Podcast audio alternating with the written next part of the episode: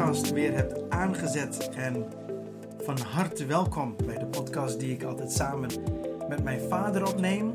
Uh, pa, van harte welkom. Ja, En vandaag gaan we het hebben over het licht die over de duisternis zegeviert. En uh, voordat we gaan beginnen, uh, ga ik eerst even ja. vanuit het woord lezen. En ik lees vanuit de NBG-vertaling en ik lees vanuit Matthäus hoofdstuk 27. En dan vanaf uh, vers 45 en 46. En de NBG-vertaling heeft een titel. Um, en daar staat Het sterven van Jezus. En luister maar even. En van het zesde uur af kwam er duisternis over het gehele land tot het negende uur. Omstreeks het negende uur riep Jezus met luider stem, zeggende: Eli, Eli, lama sabachthani. Dat is: Mijn God, mijn God, waarom hebt gij mij verlaten? Ja, lieve vrienden, wij willen uh, vanavond willen wij eerbiedig naderen tot de brandende braambos van het Nieuwe Testament. Dat is het kruis van Jezus op Golgotha. Dit is een heilige plaats. Een plaats waar God zichzelf openbaart op een nog veel indrukwekkender manier dan bij de brandende braambos die Mozes zag in de woestijn. En wat is het heerlijk dat God hier in het kruis van Christus ons zijn liefde, zijn echte, de diepste liefde in zijn hart wil openbaren aan de mensheid. Dat we mogen zien dat, zoals de Bijbel het zegt, God is liefde. En dat wil hij hier, als het ware, aan het kruis openbaren aan de mensheid. En daarom gaf hij zijn enig geboren zoon. Mooi. Hoe kom je bij die brandende braambos? Ik vind dat zo mooi dat uh, uh, Mozes, die kwam naar die brandende braambos en God sprak tot hem. Hmm. En ik hoop dat ook vandaag, dat als we naderen tot het kruis van Jezus, dat God dan vanuit het kruis gaat spreken tot onze harten. En hij wil het doen. Hij wil door het kruis spreken tot ieder mens. Heel mooi, heel mooi. En we hebben uh, drie aandachtspunten. Ja. De eerste is de waarschuwende woorden. Ten tweede een goddelijke stilte. En ten derde lijden uit liefde. Ja. Nou, we beginnen met uh, nummer 1, de, waarschuw, de waarschuwende woorden. Ja, de drie uren van duisternis zeggen ons iets over het oordeel van God over de zonde en de zondaar. Heel erg belangrijk dat wij dit duidelijk moeten zien. Deze drie uren van duisternis waarin de zoon des mensen hangt aan het kruis, vormen een heel indringende boodschap. God sprak eerst in de duisternis, die ineens op het midden van de dag op Golgotha kwam. Er was duisternis van het zesde uur tot het negende uur. De zesde uren is in onze tijd rond 12 uur in de middag, waar de zon op het veld is. Werd, uh, waar de zon op het veld is, werd opeens de zon schemerig en werd het pikdonker, zoals midden in de nacht. En alleen het Lucas-evangelie, die vertelt over dat, uh, dat uh, die dag verduisterd was. En er zijn heel veel mensen die denken van, ja, hoe kan dat? Is er misschien een eclipse? Maar ja, drie uur, ja. ja. Drie uur, kan niet. dat is onmogelijk. Hè? Dus mensen zitten denken van, hoe kan het dan? Nou, ik denk dat dit de oordeel is van God. De duisternis kwam. De zonde van de hele mensheid. He, van, van, van het begin, van Adam tot nu. en misschien nog verder, heeft God, eh, heeft, eh, heeft God dat gelegd op zijn zoon. En daarom was het volledig duister. Je kunt elkaar niet meer zien. De duisternis die volgde Golgotha drie uur lang.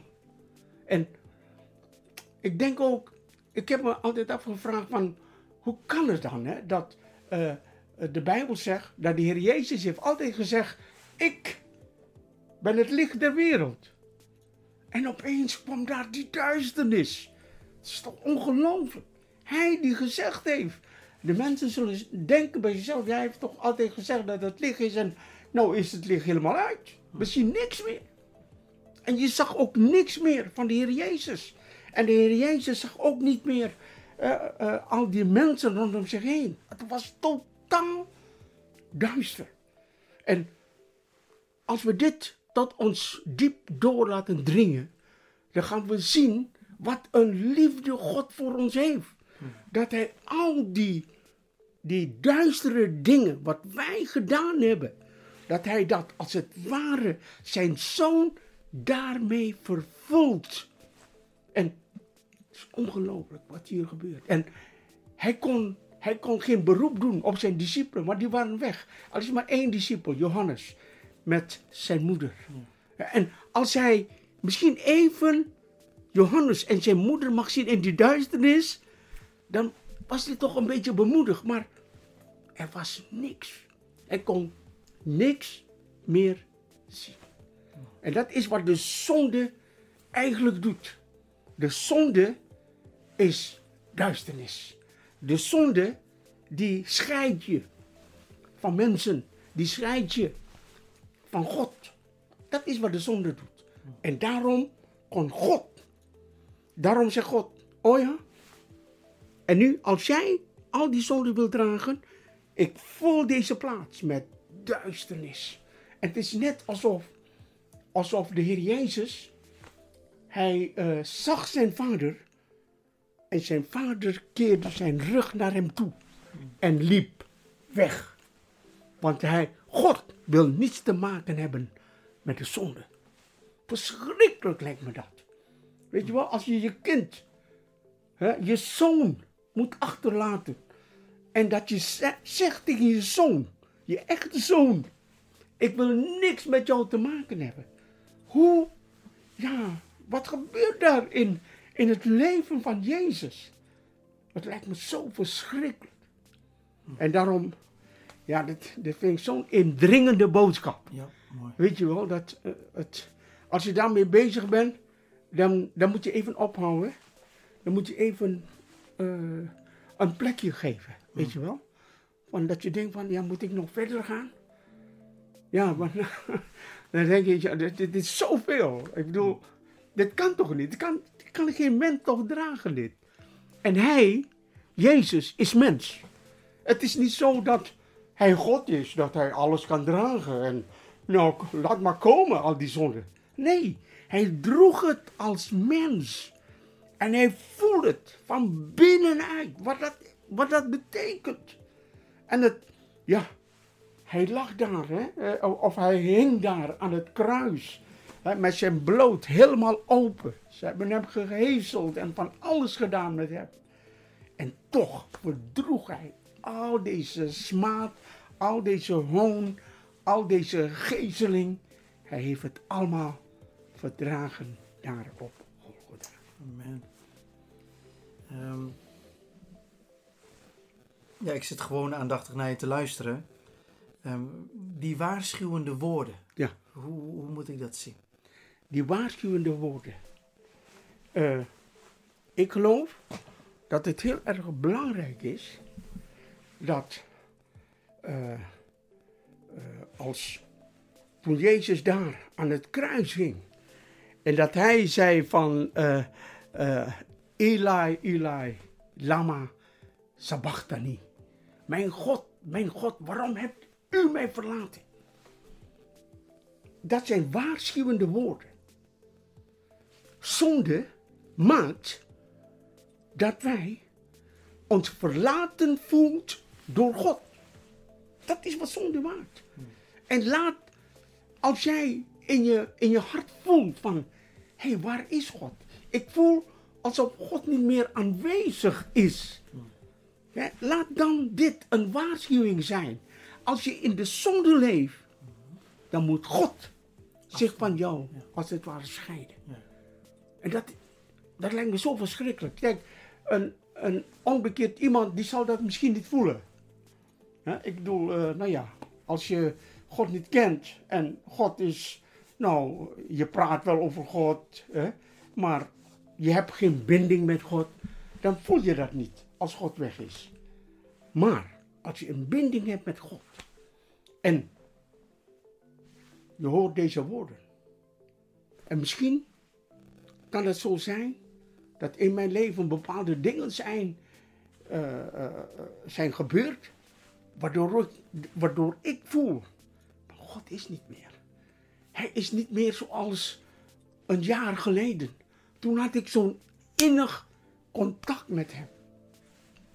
Dat is precies net als bij Petrus. Drie jaar gevolg. Drie jaar, hè? En dan op een gegeven moment. Ik ken die mensen niet. Nooit gezien, jongens. Misschien kan het zo ook in ons leven zijn. En dit zijn daarom waarschuwende woorden. Laat zo zijn dat God jou nooit zal verlaten. God heeft gezegd. Dat is God, uh, uh, God belofte aan zijn kinderen. Ik zal je nimmer begeven of verlaten tot aan de voleinding der wereld. En laten we dan deze woorden ter harte nemen. En laten we zeggen, Heere God, ik wil dicht bij u blijven. Hoe moeilijk het ook mag zijn. Ik wil steeds bij u blijven. En als we dat gaan doen, dan, uh, dan zullen we zien de goedheid en de genade van onze God. Mooi. Naast de duisternis werd het ook steeds stiller. Ja, stiller. Wat wil stilte tegen ons zeggen? Wat zou dat kunnen betekenen, denk je, vandaag? Als God spreekt, spreekt Hij altijd in de stilte. Uh, misschien kennen heel veel mensen wel die stille tijd, wat we nemen. Hoe belangrijk is dat? Om een stille tijd te hebben met God. Zodat Hij kan spreken. Weet je wel? En ik merk in mijn leven, vaak heb ik het verzaakt om stil te zijn voor God. Maar God verlangt zozeer van ons dat wij stil zijn. Zodat Hij kan spreken. En deze drie uren, dat het stil was. Nou, ik geloof dat de mensen die daar rondom die kruis stonden, dat ze er totaal niets van hebben begrepen. Het was alleen maar Johannes, Maria en al die zusters die ook nog mee waren gekomen. Die hebben alleen maar gehaald. Die hebben gedacht van wat, wat gebeurt hier? En hoe belangrijk is het dat wij die tijd moeten nemen om stil te kunnen zijn voor onze heiland. Want hij wil elke dag tot ons spreken. Soms hoor je een stem in je hart. Maar soms, door het woord van God, kun je zijn stem horen. En daarom is het goed om stil te zijn deze drie uren. En de Heer Jezus heeft zelf nog gezegd tegen zijn discipelen: Kunt gij niet eens één uur met mij waken? Kun je dat niet? En hier was het drie uren. Dat niets werd gezegd. En ik geloof dat het ook beangstig was. Dat er niemand iets zei. Niemand. Drie uur lang. Hè? Dat is lang hoor. Ja. Ik bedoel, als je, ja, wat, wat moet je zeggen? Ik denk inderdaad dat het ook uh, het, uh, heel mooi dat, dat, laat ik eerst daar even beginnen, Mm. over de stilte. Dat dat inderdaad, ehm, een moment is waarin wij God kunnen horen spreken. Ja, ja. Maar stilte is inmiddels ook eh, iets kostbaars geworden, omdat het is altijd rumoerig om ons heen. Ja, Hè? precies. Ehm, Ja. Het is ook rumoerig op je telefoon. Mm. Ga maar een stille tijd houden op je telefoon en ga je de Bijbel maar eens lezen op je telefoon. Nou, er komen Ja. appjes voorbij, er komen meldingen voorbij. Ja. Ehm, stilte is een kostbaar goed geworden. Hm. Ik zou bijna willen zeggen dat je moet, je moet echt wel een offer brengen om stilte te creëren in je leven. Ja. Dus dat is. Ehm, ik denk dat dat inmiddels vandaag de dag is dat de realiteit. Hm. En dat betekent dat wij als kinderen Gods daar echt moeite voor moeten doen. Ehm, en je had het net over, over eh, dat het beangstigend moet zijn geweest. En dat, dat denk ik ook. Omdat namelijk ehm, Paulus leert ons in het boek Romeinen, zonde leidt naar de dood. Hm, hm. Ehm, en we zijn geschapen om te leven. Ja. Dus we hebben eigenlijk een standaard afweer tegen de dood. Ja, We hebben precies. namelijk een overlevingsdrang. Ja. De, alles in ons, zowel naar geest, ziel als lichaam, probeert altijd in leven te blijven. Ja. Zo zijn wij gecreëerd. Hoe moeilijk is het geweest voor Jezus Ja. om bewust te sterven? Kijk, als het voor ons al, wij zitten in een zondig lichaam, hè? Ik bedoel, onze, Ja. ons lichaam is nog, eh, ervaart nog de gevolgen van deze zondige wereld. Ja. Onze geest is wedergeboren. Maar als wij al met dit lichaam de drang hebben om te leven, Ja. hoeveel te meer iemand die zonder zonde is? Hoe kan hij ervoor kiezen om te sterven? En daarom zegt de Heer Jezus dit. Ja. Ik heb mijn leven afgelegd. Ja. Precies. Als hij zijn leven niet had afgelegd, was de dood niet in staat Nee, precies. om hem eh, eh, hartelijk in ontvangst te nemen, om maar zo te zeggen. Ja, ja, ja, precies. Omdat namelijk het leven van Christus is groter en sterker dan de dood. Ja. Als hij het leven niet uit eigen beweging had afgelegd, kon de dood nooit van hem winnen. Nee, nee. Dus hij moest eerst Amen. Ja. zijn goddelijk leven afleggen. Ja. Om vervolgens onder leiding van Gods geest te leven. Ja. En waardoor hij als mens kon sterven. Ja. Snap je? En, en, dat, ehm, en dat hij als mens die zonde kon dragen. Want daardoor is hij ook in het vlees naar deze aarde Amen. gekomen. Ja. En als wij al de drang hebben om te willen leven, hoeveel te meer Jezus? Hm. Ja, hoeveel te meer. Ja. En dan sterker nog, niet alleen maar hoeveel te meer wil hij leven, hij is het leven. Ja.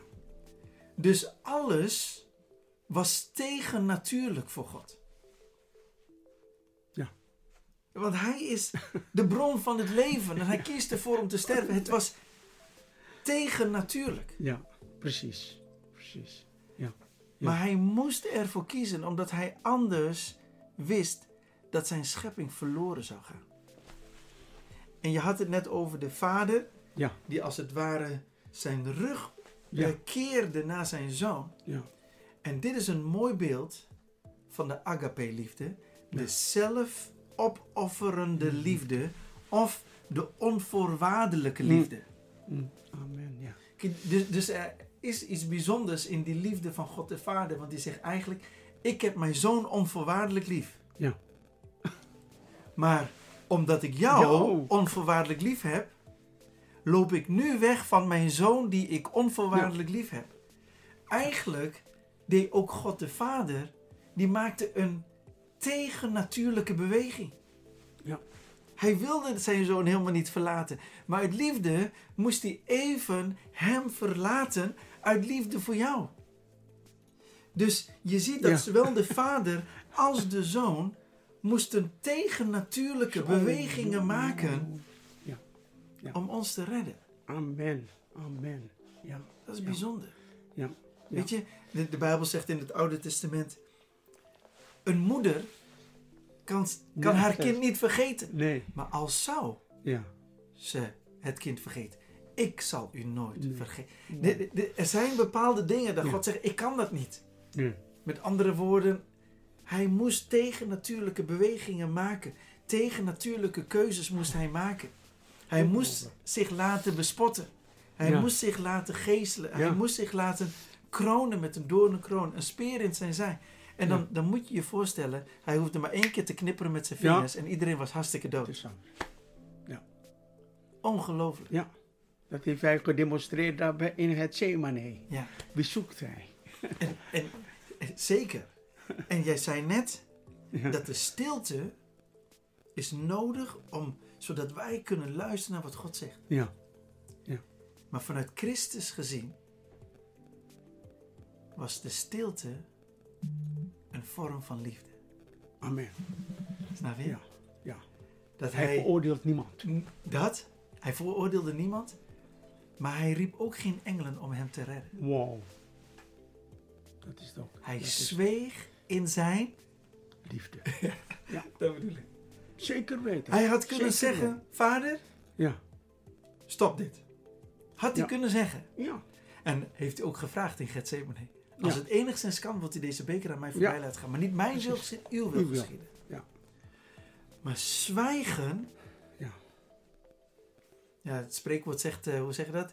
Zwijgen is Is zilver. eh, en, Nee, en- s- nee, spreken, is, eh, zilver. Spreken is zilver. En zwijgen Zwijgen is goud. Ja. In dit geval wil ik zeggen, zwijgen is liefde en is daarom goud. Amen. Amen. Weet je? Dat is het, ja. En, en. Dat, we, de- dat als wij eh, met Goede Vrijdag stil zijn, dat we, dat we dan twee dingen onthouden. Wat jij net hebt gezegd. Ja. In die stilte wil God tot jou en mij spreken. Maar dat we ook gedenken. In die stilte vinden we de liefde van God. Mhm. Want in plaats dat hij de engelenscharen ging roepen om hem te redden, zei hij eigenlijk: Ja. Blijf alsjeblieft in de hemel. Ja. En vader, loopt u maar weg. Want ik snap het plan. Precies. Er vindt Ja. geen vergeving plaats Ja. zonder bloedstorting. Precies. Het is geweldig om dat te Ja, dat is. En, en dat, is, dat staat eigenlijk allemaal beschreven. En ik hoop dat de luisteraars hier naar horen. Dat is allemaal beschreven in Psalm 22. Het is goed om dat te lezen. We geven ze ook nog een klein beetje huiswerk. Huiswerk. Helemaal goed, Psalm 22. ja, Maar mooi, die waarschuwende woorden, ja, maar ook die bemoedigende stilte. ja, precies. Bemoedigende stilte, dat vind ik mooi. Ja. Ja. Ja. Ehm, Paam, dat brengt ons bij de tweede gedachte. Een goddelijke stilte. Hè, dus je Zo. had het al wel. En misschien zijn we een beetje ehm, voor de muziek uitgegaan. Maar eh, neem ons ook daarin mee, in die goddelijke stilte. Ja, eh, eh, vanaf het zesde uur, toen het duister was, heeft hij bijna helemaal niets gezegd. Maar de vraag is, is hij wel stil? Dat is de vraag. In deze drie uren. Misschien heeft hij niks gezegd, maar in zijn binnenste. Hè? En dat staat eh, in, in, in, in Psalm eh, 22, lees, Ja. dan lees je iets van de gesteldheid van de ziel. Dan merk je pas hoe diep hij geleden heeft van het onrecht, de leugen, de spotternij, het gezag. Maar nu is hij stil voor deze menigte. Maar zijn hart, die, die gaat eh, naar zijn vader toe. Eh, eh, er is vaak geschreven over Jezus stil zijn. Hij was stil voor zijn rechters. Hij antwoordde geen woord. Hij is vaak stil geweest in deze laatste uren. Waarom verdedigde hij zichzelf niet? Waarom weerlegde hij dit niet? Al deze beschuldigingen waren vals. Alles was vals. Waarom zei hij niet, er klopt niet van wat jullie zeggen? Dat heb ik helemaal niet zo gezegd. Waarom is hij in deze drie uur stil? Zonder twijfel zal het zijn dat zijn ziel houden. Zijn ziel die houden. De mens die hij geschapen heeft. De mens die hij geschapen heeft. Die, die hebben ze hem gewoon verworpen. Ongelooflijk toch? En ja, het heeft zijn, zijn ziel geraakt. Gehouden. En daarom is het goed om Psalm 22 te lezen. En dan te lezen dat. En dan denk ik mezelf, oh, wat heb ik hem aangedaan? Hè? Wat heb ik hem aangedaan? En, en ik geloof juist door deze stilte van Jezus komen we steeds nader tot hem. Gaan we steeds hem begrijpen waarom hij dit heeft gedaan. Dit, wat jij zo net al gezegd heeft, dit heeft hij allemaal gedaan uit liefde. Uit liefde voor wie? Voor ons. Als je praat over passie, dan heeft hij een passie voor elk mens, wie je ook bent. Hij heeft je lief. Eh, en ja, wij praten over liefde, maar ja, dan denk je soms, eh, nou, dan weet ik nog niet zeker of je mij echt lief hebt. Als mensen zo met elkaar omgaan en ze, of eh, een man en een vrouw, of, of verkering hebt. Hè? Als je zegt van ik heb je lief, nou, dan moet ik toch maar even afwachten voor dit woord. Maar als God zegt, ik heb je lief, dan meen hij dat ook. En hoe kunnen we zien dat hij dat meent? Omdat hij zijn leven gaf. Nou, dat, is, dat is zoiets geweldig. Niemand heeft grotere liefde dan dat hij zijn leven inzet voor zijn broers. Dat is wat de Bijbel zegt. En, dat, en nou, die inzet, dat, als ik in mijn eigen leven kijk, dan denk ik, daar kom ik zo, zo tekort in. Die inzet om mezelf te geven voor mijn broeders. Weet je wel, op de eerste plaats jezelf te geven aan God, dat is al zo moeilijk. Terwijl dat helemaal niet moeilijk hoeft te zijn. Eh, ik bedoel, als hij zegt dat hij jou lief heeft, dan heeft hij jou lief. Klaar, af, punt. En dat is, en dat is ook zo. Maar dat is al moeilijk. Laat staan, ook nog onze, voor onze broeders en zusters. Oh, het, het kost je alles. En daarom, dan ga ik begrijpen, wat, wat op begrijpen, nou, begrijp maar half van, van al deze dingen. Maar dan beg- begin je het hart van God te begrijpen. Wat een intense liefde heeft hij toch voor mij. En eh, daarom, ik, ja, ik weet niet meer, was gisteren of eergisteren, dat ik bad van, oh God, maar dat ik u lief kan hebben. Echt lief. Weet je wel? En God zegt, hé, hey, ik ken je hart. Ik ken je hart. God kent het hart van Petrus. Petrus zegt, als iedereen u verlaat, ik niet. en bij het beslissende uur was hij weg. en zo is het ook vaak met ons leven. Bij het beslissende uur zijn we weg. Dan staan we niet meer onder aan het kruis van Jezus. Maar dan vluchten we weg. We willen niet ons vereenzelvigen met Hem. Is dat mijn leider? Is dat mijn koning? Wij zongen vroeger op de lagere school. Is dat, is dat mijn koning? Is dat, is dat zijn kroning? Oh, lieve mensen. En ik bid dat we allemaal, misschien dat je tijd neemt om weer terug te gaan naar het kruis. Om onder aan het kruis gewoon stil te zijn. Ik zal zeggen, je hoeft niet eens te bidden. Hef je hart alleen maar op. God hoort, God weet wat in je omgaat. Weet je? En soms heb ik, als, als je dit leest, hè, de, eh, de, de, de kruisiging, dan. Wat begrijp ik van de kruisiging, lieve mensen? Ik doe. Dit is zo intens. En ja, ik wil het benaderen met, ja, met, alles wat ik heb. En dan denk ik bij mezelf, en dan kom ik nog tekort. Nog tekort. En God zegt, Eli, maak je daar, eh, eh, doe, maak het niet zo moeilijk.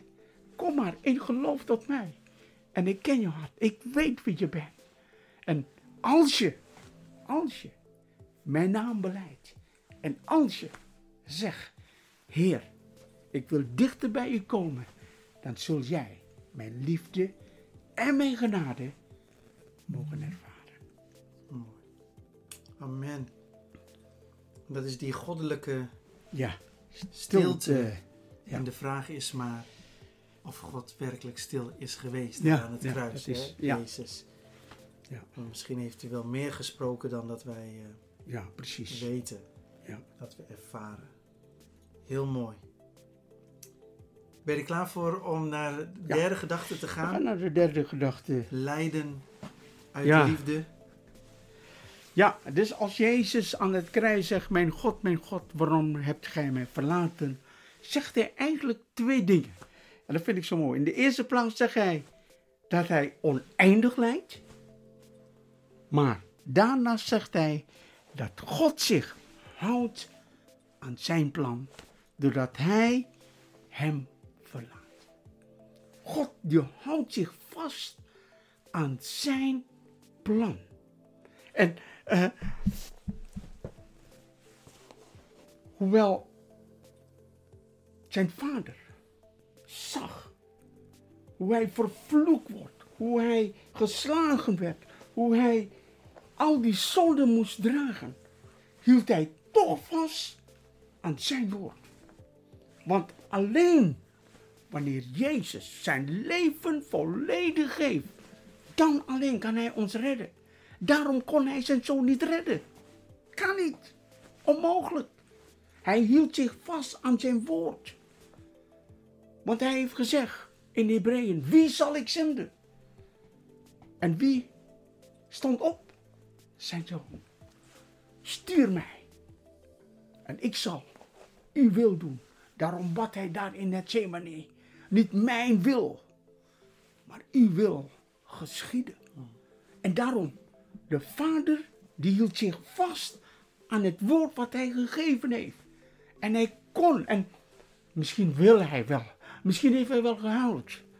Ik weet het niet. Maar misschien wil hij zijn zoon ook wel redden, maar kon niet.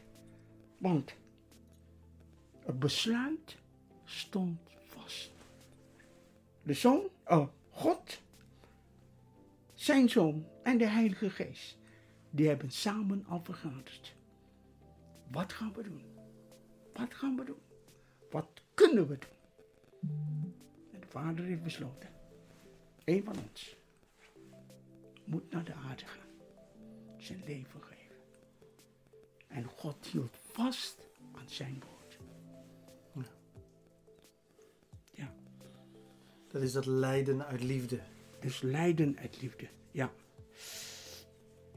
Het is Ja. echt wel goed om, hè, om het tot ons door te laten dringen.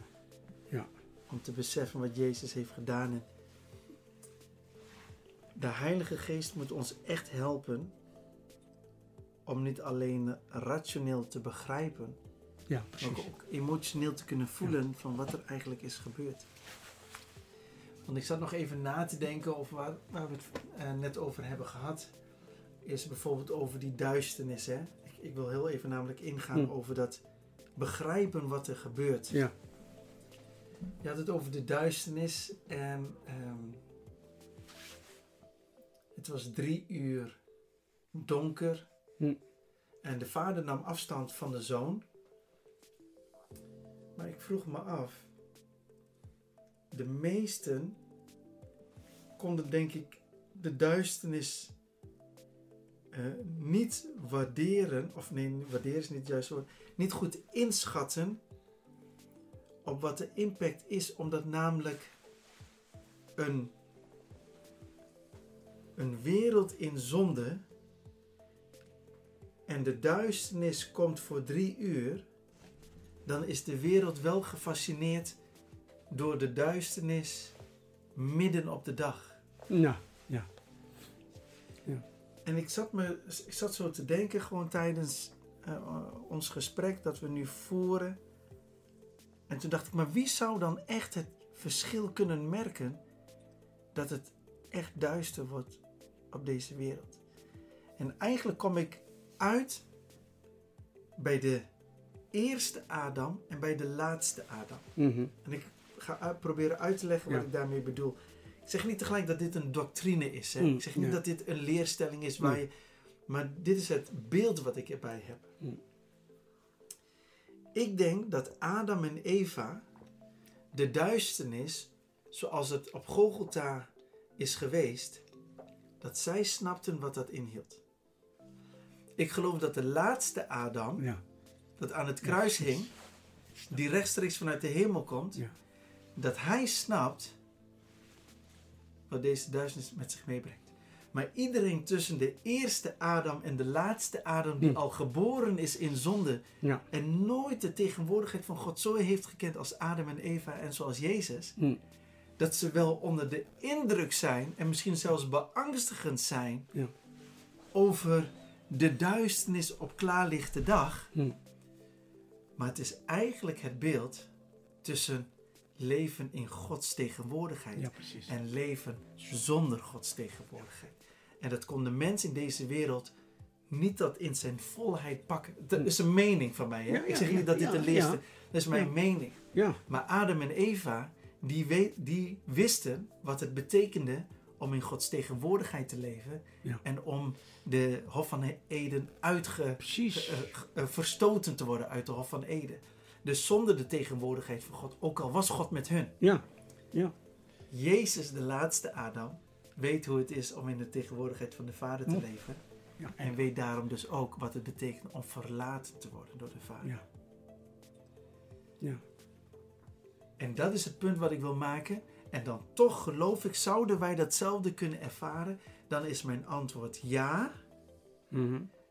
Alleen daar heb je wel de Heilige Geest voor Ja. nodig om je, dat, om je daarvan Precies. te kunnen overtuigen. Ja. Om je dat te kunnen... Ja. Snap je wat ik bedoel? Ja. Dus ik zeg totaal niet, hè, kijk, als iemand een hele bijzondere ervaring met God heeft gehad, daar heb ik het niet over. Maar Nee. even gewoon bijbeltechnisch gezien, dan is het voor mij de eerste Adam en de laatste Adam die zo dat verschil kon proeven tussen met God en zonder God. Ja, precies. Ik denk dat de Heer Jezus, hè, toen als het ware zei tegen Adam en Eva: Mijn kinderen, mijn kinderen, waarom heb je mij verlaten? Waarom heb je mij Ja. verlaten? Waarom? Ja. Wat is de reden? Weet je, en, en dat is, de mens wil een eigen zelfbeschikking. Ja. Hè? Ik beschik over mezelf, ik wil doen wat ik wil.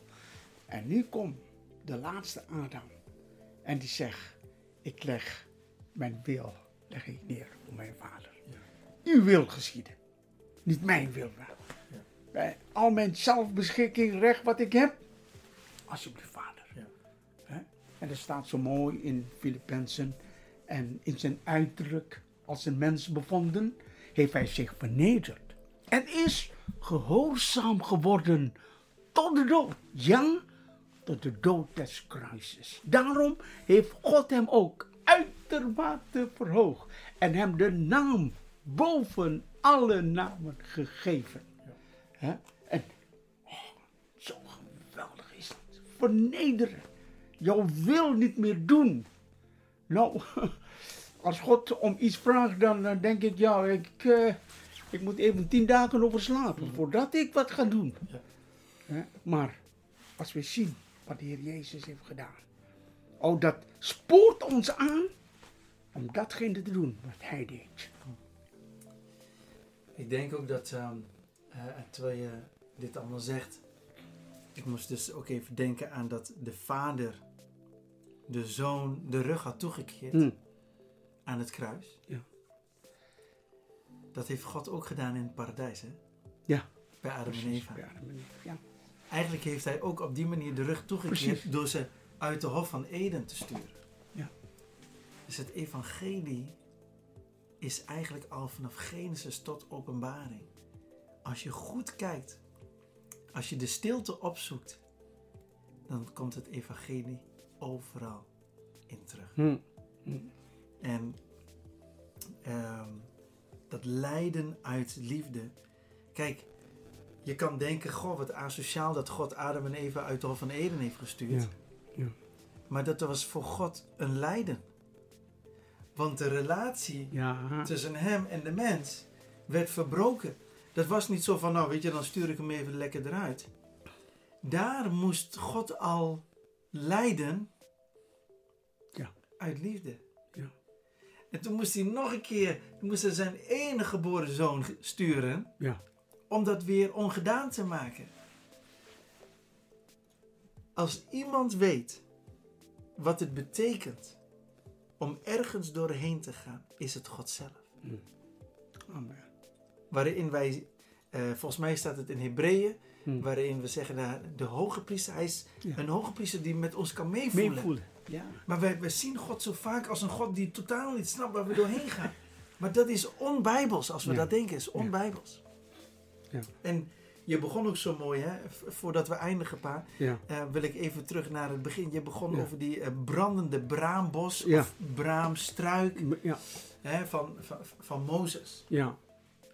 En je zegt heel mooi dat, van, dat, dat eigenlijk God vanuit het kruis, of misschien wel door het Ja, kruis, precies. of via het kruis, tot ons wil spreken. Ja.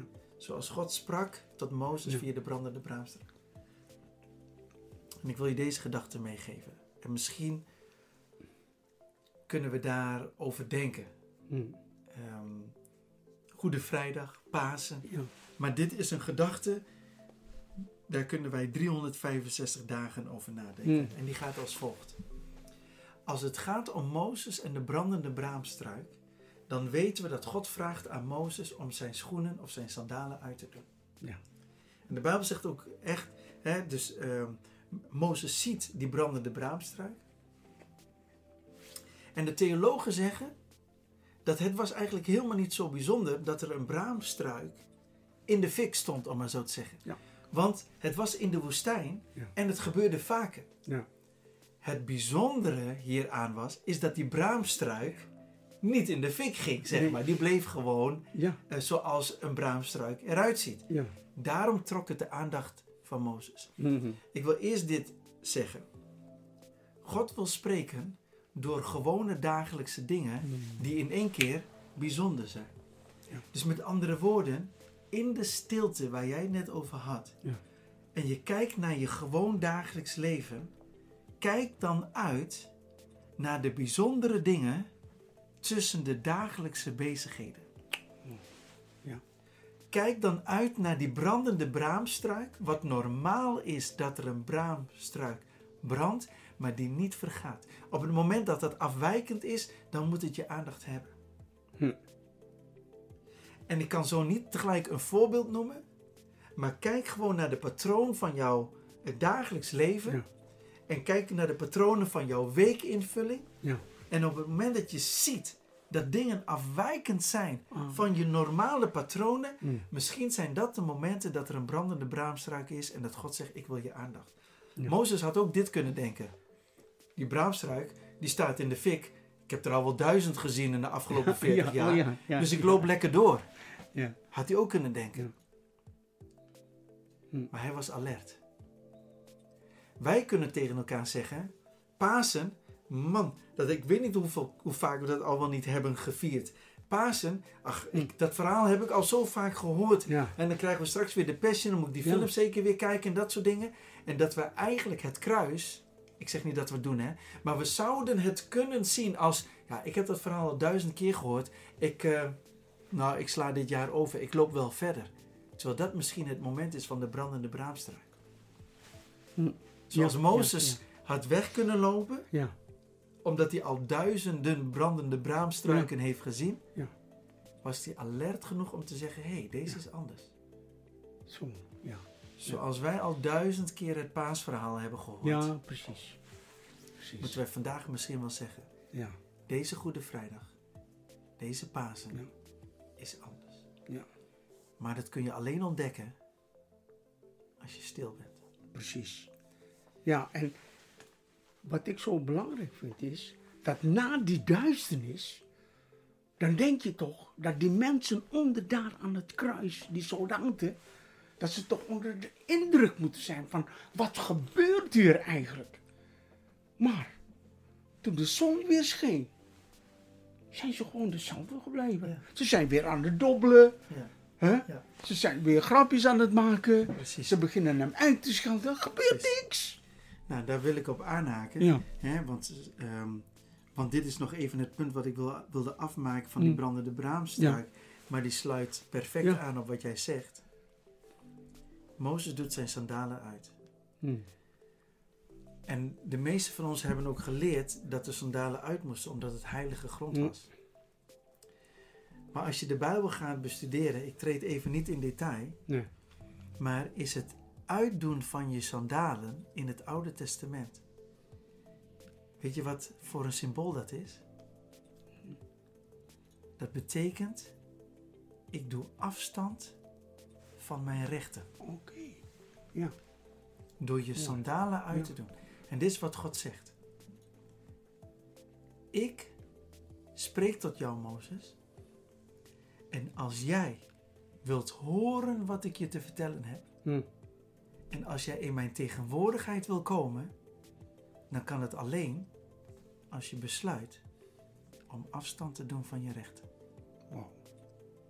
Jouw recht op leven, jouw recht op dit, jouw recht op dat, jouw recht op gerechtigheid, Hm. jouw recht op eerlijkheid, jouw recht op excuses, jouw Ja. recht op. God zegt: Als ik in jouw leven kom en je wilt horen wat ik jou te vertellen heb, en je wilt een hoopvolle toekomst, doe afstand van jouw recht. Hm. Want ik heb jou gekocht en betaald. Ja. En als er iemand een recht Ja. heeft op jouw leven, Ja. dan ben jij het niet meer, maar ik. Amen. Ja. En dan gaan we terug naar het kruis. Hm. Als wij echt bij het kruis willen knielen,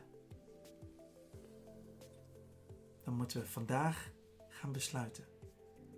Ben je bereid om afstand te doen van je rechten? Want je bent gekocht Ja. en betaald. Ja. Dus je sandalen uitdoen. Dat is gebeurd bij Boas Dat is en het beeld. Abimelech. Zeker, Ja, dat is. eh, heeft zijn sandaal. precies. Eh, hij heeft geen recht meer. Geen recht meer. Snap Ja. je? Geen recht meer. Hm. Ja. En als wij dus gekocht en betaald zijn, Precies. dan zeggen we eigenlijk: ik ben geen eigendom meer van mijzelf. Precies. God is de eigenaar van mijn leven. Ja. En ik zeg dit wel heel mooi, Ja. maar het is knetter moeilijk om te doen. Maar God zegt: het is een manier om bij mij te komen. En ik zal je uitleggen: in het leven van Jezus is dit. De Heer Jezus zegt dit: Vader, als het kan, laat deze beker aan mij voorbij gaan. Ik heb een mening, zegt Jezus. Precies. Ik heb een inzicht, ik heb een plan. Ja. En de vader zegt dit. Afstand doen van je rechten. Anders zal de mensheid nooit toegang krijgen tot mij. Nee. Jezus heeft zijn leven afgelegd. Wauw. Als er iemand is die weet, die met, hij, hij heeft niet, Jezus heeft niet alleen rechten, hij is soeverein. Soeverein betekent dat je, dat je de hoogste macht bent en Ja. dat je aan niemand verantwoording hoeft af te leggen. Ja. Ja. En die sterft als mens. Is gekomen als mens. Heeft pijn geleden als mens. Geeft, heeft een heel goed idee. Als het kan, laat deze beker aan mij voorbij gaan. En de vader zegt: afstand doen van je rechten. Hm. Als je dat doet Ja. en mijn plan volgt en uit de doden opstaat, dan geef ik je alle soevereiniteit weer terug. Wauw. Ja. En dat, gebeurt, dat is ook voor ons leven. Amen. Maar ik wil graag die diepgang Ja. erin hebben. Ja, ja, precies. Dat Pasen En dat is nodig. Is vandaag, het, laat, het, laat de Goede Vrijdag en Pasen nooit meer hetzelfde zijn. Precies. En ik, ik weet heus wel, hè, ik, ik, ik, afstand doen van je rechten. Ik ben de, ik ben de laatste, echt Ja. de laatste die afstand wil doen van, Ja. van mijn Ja, rechten. precies. Precies. Precies. Maar het is wel het evangelie. En daarom, voordat je gaat sluiten met gebed, Ja. wil ik dit tegen jou zeggen, luisteren. Of willen wij het zeggen? In alle pijn, in alle moeite Hmm. en overal waar je recht op hebt en, en, en, en, en noem maar op. En overal waar je gelijk in hebt en, en je staat in je rechten, ge- geef het een naam. Jij hebt gelijk. Jij weet dat jij gelijk hebt en dat Ja. anderen het verdraaien. Maar Pasen Goede Vrijdag is wel een moment om tegen God te zeggen: Ik wil in uw tegenwoordigheid komen en ik wil u horen spreken, maar ik heb begrepen dat ik dan afstand moet doen van mijn recht, want ik ben gekocht en betaald. Als jij degene bent die dat wil, de Heilige Geest gaat je erbij helpen. En ik wil mijn vader vragen om deze geweldige overdenking Ja. af te sluiten met gebed. Ja. En dat we stil mogen zijn voor zijn aangezicht. Amen, ja. Hemelse Vader, dank u wel voor uw geliefde Zoon, de Heer Jezus Christus. Dat Hij voor ons geleden heeft uit liefde, uit passie voor een ieder van ons.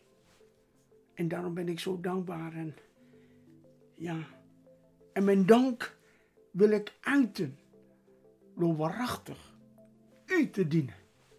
Door waarachtig uw weg te gaan. En u weet, elke keer weer opnieuw. Heer God, dan voel ik dat ik tekort kom. Maar dank u Vader, dat u een God zijt die ons dag aan dag draagt. U bent een God die ons leidt. U bent, ons, bent een God die ons leidt naar de overwinning. En dat wij van overwinning tot overwinning mogen gaan. En daarom ben ik u zo dankbaar. Heren, zonder u kunnen wij niet overwinnen. We hebben u van nodig. Elk uur, elk ogenblik.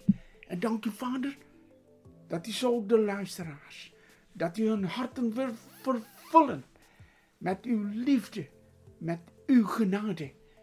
Heer God, dat wanneer de duisternis op Golgotha, wanneer het weggaat, dat wij dan in actie mogen komen voor Jezus onze Heer.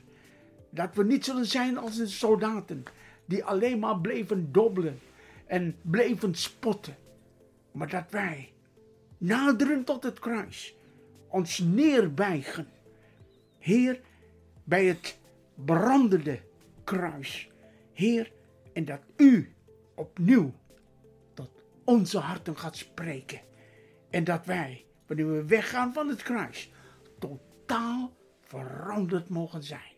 Heer, dat we ervaren diep in onze harten dat u van ons nieuwe mensen hebt gemaakt. Heer God, doe uw werk tot eer en glorie van de wonderbare naam van Jezus. Halleluja.